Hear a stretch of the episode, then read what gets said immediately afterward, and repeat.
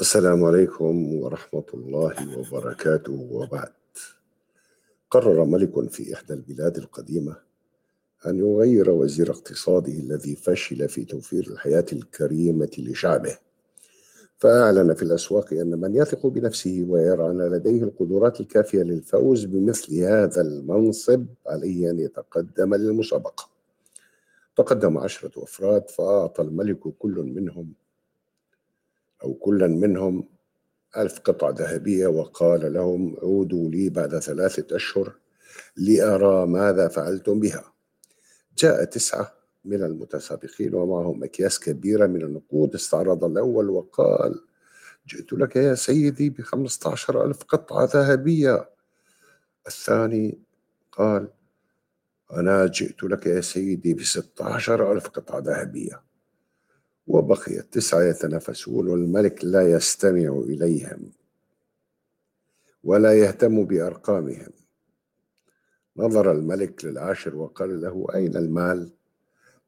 فتردد الشاب بالكلام بعد أن رأى أن خصومه تفوقوا عليه. فقال له الملك ما بك؟ هل أسرفتها على رغباتك وشهواتك؟ الشاب لا يا سيدي الملك ماذا إذا الشاب لقد اشتريت يا سيدي قطعة أرض زراعية وعينت فيها بعض العمال وهناك اقترحوا شراء بعض الماشية والآن ليس لدي أي مال حتى يخرج المحصول ونبيعه.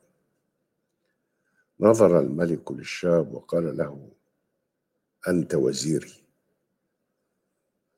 انتشر الضجيج في القاعة بسبب المفاجأة التي لقيها الرجال الآخرون الذين تاجروا ونجحوا بحصد ما لم يحصده هذا الشاب ولو بعد ثلاثة أعوام.